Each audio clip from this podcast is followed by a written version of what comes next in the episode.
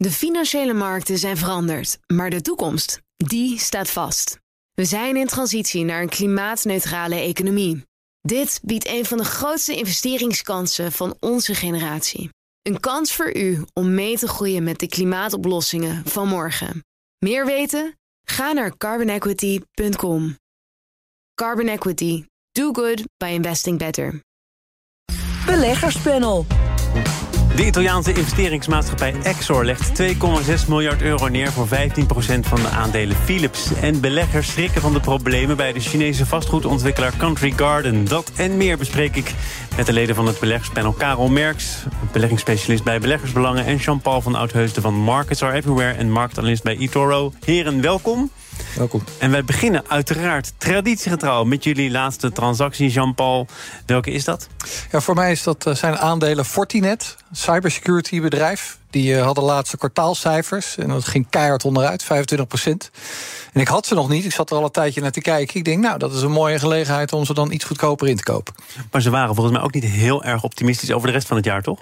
Nee, en dat is zo grappig. Eh, kijk, je koopt zoiets voor de lange termijn. Cybersecurity is volgens mij een eerste levensbehoefte. Uh, het is niet weg te denken. Dat wordt volgens mij een enorme groeimarkt. Die hele sector groeit ook. Uh, ja, en dan uh, als zo'n zo'n iets voorbij komt, denk je, nou, voor de lange termijn wil ik daar best uh, wat van en hebben. Jij zat al op het vinkentaal, maar je wacht op het moment. Precies. Is dat de over het algemeen de, de strategie die je volgt? En nou, in dit geval wel. Ik zou dat niet meteen tot een algemene strategie willen maken. Maar deze vind ik wel leuk om erbij te hebben. Karel, sinaasappelsap. Ja, klopt. Uh, hartstikke aantrekkelijk. Want er wordt nog op heel weinig plekken ter wereld uh, sinaasappelbomen. 70% in Brazilië en ook nog wat in, uh, in Florida in de Verenigde Staten.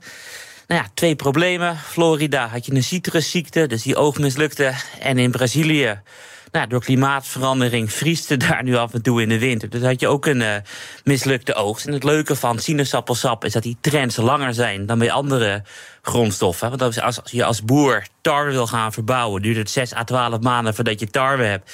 Sinaasappelbomen duren nou ja, drie à vier jaar voordat ze sinaasappelen geven. Dus die trend zijn heel erg sterk. En het is nog een play met klimaatverandering. Maar die, die, die trend die is er dan al wat langer. Want uh, ik, ik zag denk dat jij het over sinaasappel wilde gaan hebben. Ik denk, ik moet die toch even induiken. Dus ik op orange juice en sinaasappelsap ja. beleggen. Kom ik begin van dit jaar een stukje tegen op beleggersbelangen. Geschreven door Karel Merks. Klopt. Mis het niet. Klopt. Maar dat, dat, dat was is wel van de winter van 2023. Het is nu 15 augustus en je hebt de stap uh, gewaagd. Ja, klopt. Uh, een paar weken geleden, toen was het vooral een analyse van... hé, hey, het is heel erg aantrekkelijk. Dit kan je als beleggingsidee meenemen. En nu heb ik het uh, officieel uh, zelf gedaan. En nu gaan we kijken. En, uh... Maar hoe werkt dat dan? Want het, het, is volgens mij ook met, met contracten en met termijnhandel. Klopt, er zijn drie verschillende mogelijkheden waarop je erin kan. Je hebt turbo's en futures voor de professionele belegger. En op het moment dat je wat minder ervaren hebt... dan adviseer ik om het met turbo's te doen. Dan kan je toch een maximaal hoeveelheid verliezen. En kan je niet in een hefboom verslikken... wat soms met futures het geval is. Jean-Paul, RTL 7, zei over sinaasappelsap... ik had het dus ook gemist, ja, dit is net zo interessant als koper en goud. Uh, ben jij al uh, warm gemaakt? Nou, het gaat met pieken en dalen. Het is al een grappig onderwerp. Het is een van mijn beste transacties geweest. Maar dat gaat al zover terug naar 2005. Want toen had je, ik weet niet of je dat nog kan herinneren... orkaan Katrina. Ja, dat was ook zo'n verhaal dat uh, precies die, die periode... ik dacht dat het twee, drie jaar was, drie, vier jaar, dat het duurt. Ik toen had toen nog uh, een soort van discussie met iemand van een... Uh, ik had daar ook een column over geschreven... met een, uh, een directeur van een importbedrijf. Die zei, wat weet jij er nou van? Jij werkt bij een bank. Maar die kwam echt uit volgens het boekje. Het ging eerst omhoog, omdat er een tekort was. En twee jaar later zag ja. je hem helemaal weer afglijden. Dus Klopt, en het leuke is, je ziet nu dat die extra bomen worden geplant... op heel veel plekken op de wereld. Dus er gaat een keertje weer een overschot komen. Dus nu is het een turbootje long. En straks is het een turbootje short. En dan houden we weer een paar jaar ja, bezig. Zo simpel kan het zijn. Ja, we gaan naar uh, Exor. Koopt 15% van de aandelen Philips voor een bedrag van 2,6 miljard euro. Daardoor wordt het Italiaanse investeringsbedrijf verbonden aan de familie Agnelli, bekend van het automerk Fiat en de voetbalclub Juventus, onder andere de grootste aandeelhouder van het zorgtechnologiebedrijf dat Philips inmiddels is. Jean-Paul, als jij een kort profiel zou moeten maken van Exor, of misschien wat breder van die familie Agnelli die erachter zit, wat zouden de steekwoorden zijn? Ja, dat is wel grappig. Ze worden vergeleken eigenlijk op een bepaalde manier met de Kennedys in Amerika. Het is zo'n uh, gevierde familie, uh, puissant rijk. Hebben op zich ook wel een, een geschiedenis die al ver terug gaat. Fiat werd opgericht in 1899. En vanuit daar is door de jaren heen het imperium gekomen. En die John L. Kan. Ik moet zeggen, doet hij knap. Want Exor was hier nu een half jaar genoteerd op de Amsterdamse beurs. Niemand had daar eigenlijk een gezicht bij. Nou, dat is nu al veranderd, want nu kennen we hem. Maar je zegt het al, die familie die, uh, is in Italië ook uh, zeer bekend. Uh, het gaat er ook over wie welk deel van de buit krijgt. Volgens mij is er nog een rechtszaak die nu speelt over erfenissen. Klopt. dus het is niet per se in de rangen van de Angelis alleen maar rustig. Nee, dat is het volgens mij door de jaren heen nooit geweest. Maar inderdaad, die John Elkan, de, de CEO van Exor, die ligt overhoop met zijn moeder. Want die is op een gegeven moment hertrouwd. Dus eh, Elkan hoort bij de drie van de acht kinderen die de erfgenamen zijn van het imperium. En die moeder heeft gezegd: Nou, ik vind het toch wel aardig als mijn andere vijf kinderen ook wat krijgen. En uh, daar loopt nog een, uh, rechtszaak over. Dus moeten we even kijken hoe dat afloopt. En, en als aandeelhouder um, zag ik een focus, en zo gek is dat niet, op aandeelhouderswaarde en strakke discipline, financiële discipline. Karel, kan Philips dat gebruiken? Ja, zeker. Maar ik denk dat de grootste problemen al, al vorig jaar zijn opgelost. Toen noteerde het aandeel immers 11 en nu bijna 20. Dus we zijn alweer uh, verdubbeld. Het is hartstikke goed dat we nu een soort Warren Buffett uh, vertrouwen stem hebben. Zoals geloof ik Arnoud Boot het uh, gisteren of eergisteren noemde in de update. Ja, dus eer, eergisteren wisten we nog nergens van, dus het moet gisteren zijn geweest. Gisteren, ja. Dus dat is hartstikke goed. Kijk, en vergeet niet dat Philips natuurlijk nog altijd Philips is een van de mooiste bedrijven in Europa waar ASML is uitgekomen en ASMI en Bezi en NXP, dus een soort Europese Tencent wat in Nederland zit. Een Europese Tencent ge, uh, gevestigd in Nederland, ja, dat zijn wel ja, woorden bedoel, die je zou willen gebruiken. Ja, zeker. Tel maar al die chippers op die eruit voortkomen. Die zijn allemaal al groter dan Philips uiteindelijk uh, doorgegroeid. Weet je, en er kan nog veel meer moois komen uit Philips. Want Siemens heeft natuurlijk een paar jaar geleden de gezondheidsdivisie naar de beurs gebracht. Dit jaar was het geloof ik de andere concurrent General Electric die de healthcare divisie naar de beurs bracht. Nou ja, Philips heeft natuurlijk ook nog een gezondheidsdivisie die naar de beurs kan. Hogere waardering, meer focus. Kijk, en dit is natuurlijk een hele mooie stem voor de aandeelhouder. Want die Exor zit erin voor de lange termijn en niet voor een kort ritje. Ja, dus mag je dat inderdaad aannemen op basis van de afspraken die gemaakt zijn... dat dit voor de lange termijn is? Er is overigens ook afgesproken dat dat belang uh, wordt opgebouwd tot uh, maximaal 20 procent. En daar blijft het dan ook bij? Het past wel bij het profiel van de portefeuille die uh, Exor heeft. Uh, dus ja, ze kunnen natuurlijk ook niet anders dan het zo opschrijven. De toekomst zal het moeten leren. Maar in principe denk ik wel. Hè, ze hadden in het jaarverslag staan van 2022 bij Exor ook. Van, nou, we hebben in uh, het afgelopen jaar hebben ze een miljard geïnvesteerd in gezondheidszorg. Uh, die Elkan is ook een liefhebber van technologie. Ze willen op het gebied van gezondheidszorg en technologie meer gaan investeren. Dus in die zin past Philips wel precies in het plaatje. Is Philips toch nog iets waar je, als je risicoavers zou zijn, met een grote boog omheen moet lopen vanwege mogelijke claims die, als ik de deskundigen moet geloven, en dat hebben ze hier ook wel eens gezegd, zouden kunnen oplopen uh, tot 5 miljard. Ja, dat is één ding. Zijn wat mij betreft... 5 miljard maar, hè? Ja. Daar hebben we het nergens meer over. Nee, dat is één ding. Zijn wat mij betreft twee dingen. Eentje zijn die claims. Ze hebben natuurlijk op 16 mei uh, de laatste onderzoeksresultaten ingediend bij uh, de FDA, de toezichthouder in Amerika. Daar hebben ze nog geen antwoord op gehad. Uh, ja, dat blijft dus altijd een onzekerheid. Uh, als er wordt gezegd, nou, het is nog steeds niet goed genoeg. Dan kan daar uh, nog ja, dat langer duren. Dat is vervelend. Uh, langere termijn zal daar toch op een gegeven moment wel uitgekomen worden. En dan hou je over de concurrentiepositie van Philips. Die blijf ik toch gewoon nog steeds heel spannend vinden. Ze maken wel gewoon uh, uh, heel veel goede spullen.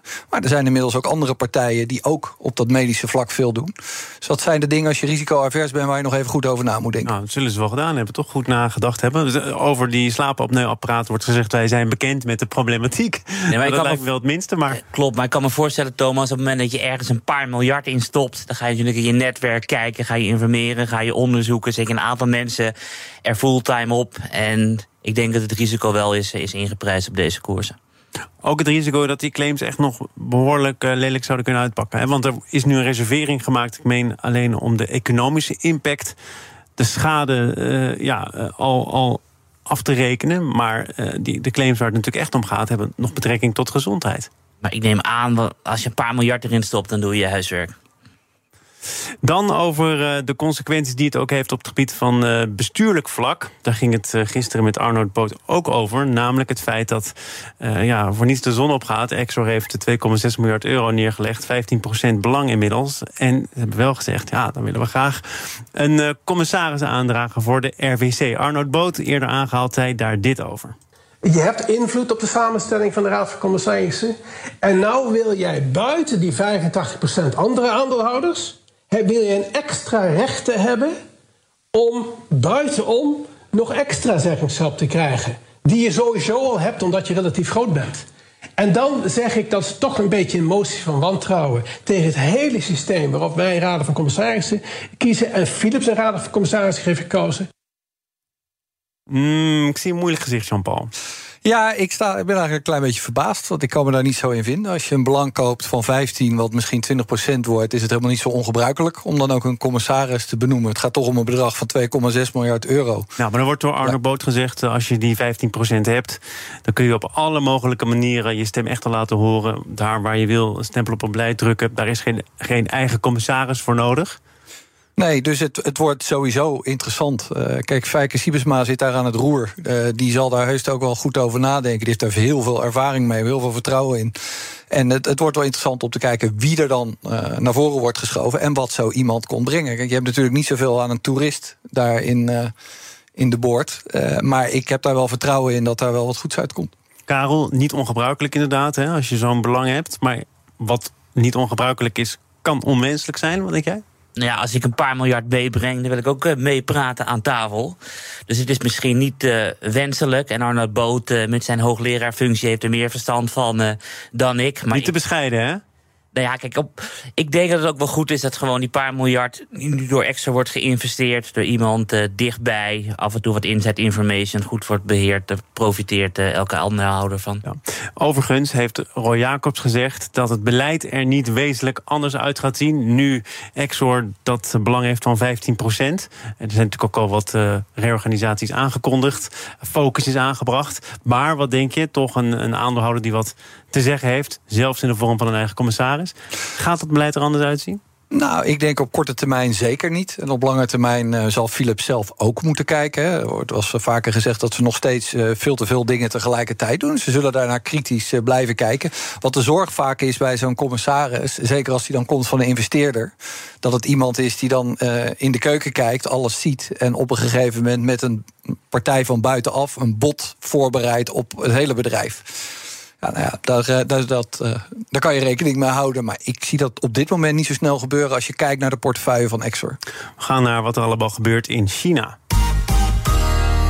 BNR Nieuwsradio. Zaken doen. Thomas van Zeil. Het beleggerspanel is aanwezig met Karel Merks en Jean-Paul van Oudheusden. En uh, wij kijken naar Hongkong. Want op de aandelenbeurs in Hongkong moest de Chinese vastgoedontwikkelaar Country Garden gisteren een verlies van zo'n 18% incasseren. Beleggers maken zich zorgen omdat het bedrijf niet tijdig heeft kunnen voldoen aan de rentebetalingen van twee obligatieleningen. En de handel in obligatieleningen van het bedrijf zelf lag zelfs even stil, omdat er achter de schermen gesproken zou worden over een herstructurering van de schulden. Uh, daar hebben we in 2021 ook op deze zender, op deze plek, uitgebreid stilgestaan bij Evergrande, een andere vastgoedontwikkelaar. Is dit hoofdstuk 2 of is het heel anders? Nee, het is hoofdstuk 2. Uh, en het is ook wat verder in het boek, want het is allemaal weer, uh, weer groter dan uh, de vorige keer. En ik denk dat het voor, ook voor de hele wereld belangrijk is. Want de Chinese vastgoedmarkt is met 62 biljoen misschien wel de grootste assetklasse ter wereld. Amerikaanse aandelen zijn bijvoorbeeld 47 biljoen. En de Chinese overheid heeft ook toegegeven: we hebben een probleem in de vastgoedmarkt. We gaan niet iedereen uh, redden. Dus het is lopen voor een, op een dun koordje voor de Chinese Communistische Partij. Maar we gaan niet iedereen redden. Evergrande heeft het wel gered. Er werden zelfs redelijk recent nog cijfers gepubliceerd. Eindelijk over 2021, 2022. Nou, je zou helemaal tureluurs worden van uh, de schuldenpositie van het bedrijf. Maar uiteindelijk is het er nog wel. Is dit bedrijf Country Garden too big to fail? Of past dit dan in de lijn van de partij... wij gaan niet iedereen redden? Kijk, het lijkt mij too big, too veel. Want de Chinese overheid probeert ook um, steunmaatregelen... de boel weer een beetje te pappen en te, te nat houden. Want ik geloof dat er ook weer een obligatie-emissie uitkomt... om wat uh, dat bedrijf te gaan helpen. En de rente is verlaagd en de belasting op aandelen gaat naar beneden. Dus het is too big, uh, too veel. Maar ze kunnen natuurlijk wel langzaam laten leegbloeden. En ik denk dat dat het doel is uiteindelijk. De, de schrik zat er wel in, hè, natuurlijk, omdat het dan misgaat met dit bedrijf. In het bijzonder, maar de, de uitstralingseffecten mogen er zijn. Schrok jij er ook van, Jean-Paul? Nee, ik uh, stond er eigenlijk voor te kijken dat mensen daar weer van schrikken. Kijk, die vastgoedcrisis in China die is bekend. Het is volgens mij hoofdzakelijk een interne aangelegenheid. Wel, uh, gevleugelde uitspraak is dat er in China meer huizen zijn dan dat er Chinezen zijn. Dus ja, dat is gewoon enorm uh, doorgeschoten. Ja, het maakt ook nogal een behoorlijk deel uit van het BBP, hè? De infrastructuur, als je kijkt naar de investeringen, geloof ik 30% of zo? Enorm, enorm. En het is, maar het is wel uh, hoofdzakelijk allemaal uh, gefinancierd in lokale valuta. Dus waar ze dus nu die, uh, die wanbetaling dreigt op die obligaties. Dat ging geloof ik om 22 miljoen dollar. Maar dat is maar een klein deel wat in buitenlandse valuta is.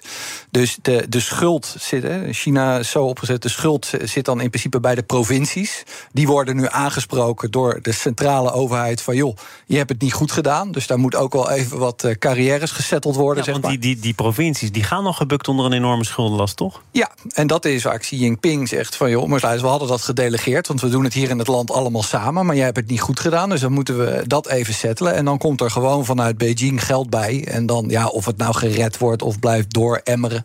Het is in principe uh, geen goed verhaal natuurlijk. Het is geen goed verhaal, maar ook geen verrassend verhaal dus. Nee, ik, en ik denk ook niet het laatste. Ik denk zeker geen interne gelegenheid. Want we hebben natuurlijk twee keer iets heel groots gehad de afgelopen 15 jaar in China. Volgens mij was de grootste, de hele onverwachte devaluatie van de Chinese munt in 2015. Het gevolg was dat de AEX binnen twee weken 20% naar beneden ging. En de andere was volgens mij in 2008, toen het grootste stimuleringspakket uit de geschiedenis werd gelanceerd. En China de wereldeconomie weer uit het slop trok. Dus ik denk dat China wel een partij is om rekening mee te houden. Nou, je kijkt mij aan, maar eigenlijk reageer je natuurlijk op Jean-Paul. Die zegt het is een interne aangelegenheid. Jij zegt hier het tegendeel te bewijzen. Ik trek me even terug. Kom er even uit met elkaar. Ja. Nou ja, kijk, uiteindelijk als de, de Chinese economie... die nu natuurlijk uh, steeds meer in het slop begint te raken... als, als dat niet meer zo goed loopt... Uh, dan kan je daar overal last van krijgen, zeker. Niet in de laatste plaats de bedrijven die heel veel exporteren naar China. Maar uh, die vastgoedsector, ik denk dat ze dat echt gewoon binnenlands prima kunnen oplossen. Er zijn drie dingen die ik uh, in de gaten hou. Eén, inderdaad, uh, wat ze exporteren en importeren. Beide daalden met dubbele cijfers ten opzichte van een jaar geleden. Er is een probleem dus met de export en de import. Ik denk dat het ook belangrijk is naar de prijspeilverandering te kijken. Dus je ziet nu de PPI, de prijzen tussen bedrijven onderling, die daalt met ruim 4% op jaarbasis. En de consumentenprijs, die uiteindelijk met een vertraging van een paar maanden de producentenprijzen volgt, die daalde met een paar tiende.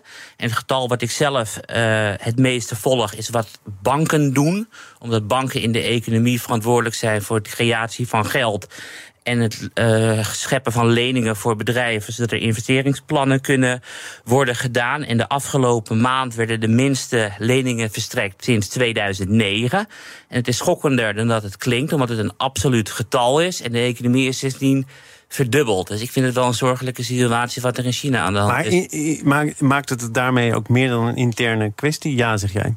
Uh, ja. ja. Jean-Paul? Ja, God, dat is het leuke van beleggen. We kunnen er eindeloos over praten. Als je de 20% aftrekt, dan staat, als ik het zo hoor, de AX binnenkort op 600. Uh, we gaan het Mits zien. er een devalua onverwachte devaluatie komt, uh, natuurlijk. Dat was het enige ja. wat in 2015 was. Kijk, waar ik met name naar kijk, is uh, dat je ziet dat de toestroom van buitenlandse investeerders naar China, dat, dat stagneert enorm. Ja, dat hebben... daarom hebben ze nu gezegd, van overheidswegen. Uh, wij gaan toch proberen om dat aantrekkelijk te maken. Ja, en dan, en dan is de vraag: past dat in het huidige geopolitieke Nou ja, daar staat Amerika tegenover, waar uh, Biden zegt: van jongens, uh, doe het liefst allemaal nog wat minder. Sterker nog, we gaan nog restricties opleggen dat bepaalde dingen helemaal niet meer gefinancierd mogen worden. En die legt daarmee wel de, de vinger op de zere plaats. Of die nou moet zeggen: hè, het is een tikkende tijdbom, zoals die vorige week deed. Dat is dan wel is ook niet zo diplomatiek. Maar het feit is in ieder geval dat uh, in, de, in de afgelopen jaren, niet het laatste jaar, maar de jaren daarvoor, stroomde er gewoon enorm veel kapitaal. Met name ook uit Amerika naar China. En nu moeten ze het echt wel zonder doen. En vergeet niet, China is vorig jaar gepiekt met beroepsbevolking. En vanaf dit jaar krimpt de beroepsbevolking vanwege de één-kind-politiek. En de Japanners hadden het voordeel toen eind jaren 80 daar de kredietzeepel barstte. dat ze nog 20 jaar groeiende bevolking Dus een meewind. En de demografische tegenwind is gestart. En de geopolitieke spanningen helpen ook volgens mij niet mee.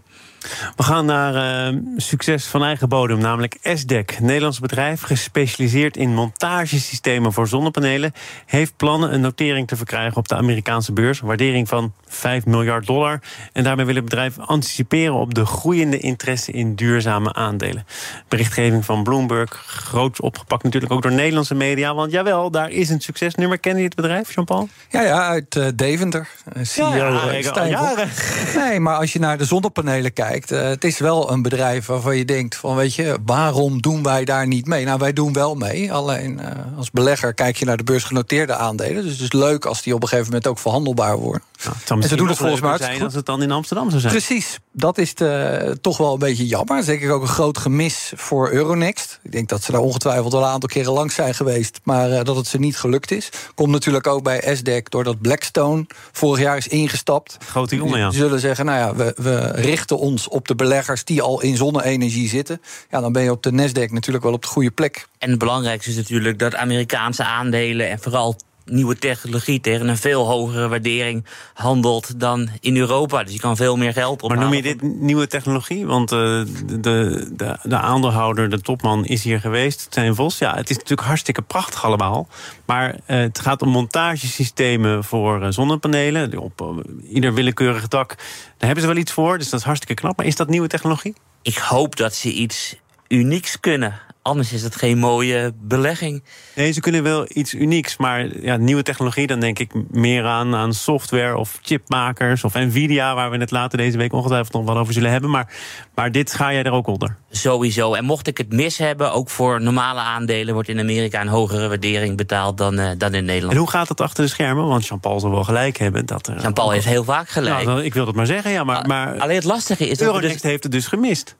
Uh, klopt, maar als je dan kijkt hoe hard Amsterdam gegroeid is de afgelopen jaar, onder andere Proces binnengehaald en nog veel meer pracht, prachtbedrijven. Dus zo slecht uh, doet Euronext het niet. Nee. En die, die, waardering, 5 miljard, dat is natuurlijk geen losse polswerk. Hè. Er zijn ook grote banken bij betrokken. Um, als jij daar wel uh, iets over zou kunnen zeggen, niet uit de losse pols, maar is dat, is dat redelijk? Of, ik uh, kan nou op dit moment, kijk, eh, BlackRock, uh, toen, of BlackRock, Blackstone, toen zij er uh, instapte, was volgens mij iets meer dan 2 miljard. Dus nou, in een jaar tijd naar 5 miljard. Dat is nogal ambitieus. Het is wel met die beursgangen altijd zo, we hebben dat al zo vaak gezien. Je hoort blij van zo'n bericht. We moeten eerst nog maar eens zien of het ook gaat gebeuren en of het plaatsvindt en hoeveel er dan wordt opgehaald. Ja, dat zeg je natuurlijk met een reden, want dit bedrijf had ook plannen in die richting in 2021 al. Toen was het sentiment er niet naar, ook al ging het met het bedrijf zelf wel goed. Uh, de timing doet er dus toe. Ja. Is die op dit moment dan veel beter? Nou ja, je hebt het, het grote succesverhaal van uh, het afgelopen jaar in Amerika is First Solar. Uh, die hebben vol uh, met de vinger zijn die door de subsidiepot gegaan van de infrastructuurplannen van, van Biden. Uh, die zijn nu hun vijfde fabriek aan het bouwen. Dus dat begint echt allemaal wel te komen. Ja, en daarvoor, maar die doen het nu net even wat minder, heb je een, uh, een Enphase Energy en een Solar Edge, die ook hier in Nederland ongelooflijk veel. Uh, zonnepanelen hebben, die leveren dan die, die inverters, die omvormers. Omvormers, ja. maar die moet je natuurlijk ook vastmaken. Dus uh, ja, ik denk wel dat het moment er wel naar is. Zonne-energie is wel een sector waar gewoon nog veel groei in zit te komen. Nou, en als je inderdaad kijkt naar wat er aan uh, programma's is opgetuigd, onder andere door die uh, regering Biden, dan maakt dat die keuze voor Amerika en een Amerikaanse beursnotering misschien alleen maar logischer. Zeker weten. En daarnaast zet het Nasdaq dit jaar nog altijd de tientallen procenten hoger. Dus het is echt een heel positief jaar voor beursgangen en voor aandelen. En het is sowieso het klimaat, want de beursgang van het jaar komt uh, volgende maand met ARM, de chipmaker. Er schijnen 10 miljard te willen ophalen bij uh, beleggers. Dus het is het uh, juiste klimaat om voor een mooi Nederlands bedrijf naar de beurs te gaan. Ik dank jullie voor jullie toelichting erop. We gingen de hele wereld over. en dat deed ik samen met Karel Merks, beleggingsspecialist bij Beleggersbelangen... en Jean-Paul van Oudheusden van Markets Are Everywhere... en marktanalist bij eToro. Beleggerspanel wordt mede mogelijk gemaakt door Annexum. Al meer dan 20 jaar de aanbieder van vastgoedfondsen. Dit panel is ook te beluisteren als podcast. Abonneer je vooral even via je favoriete kanaal of de BNR-app. En over uh, duurzame energie gesproken. Zometeen gaat het over flexibel stroomgebruik. En ook contact met Van de Bron. Want voor klanten van Van de Bron met zonnepanelen gaat er het een en ander veranderen. De financiële markten zijn veranderd. Maar de toekomst, die staat vast. We zijn in transitie naar een klimaatneutrale economie. Dit biedt een van de grootste investeringskansen van onze generatie. Een kans voor u om mee te groeien met de klimaatoplossingen van morgen. Meer weten? Ga naar carbonequity.com. Carbon Equity. Do good by investing better.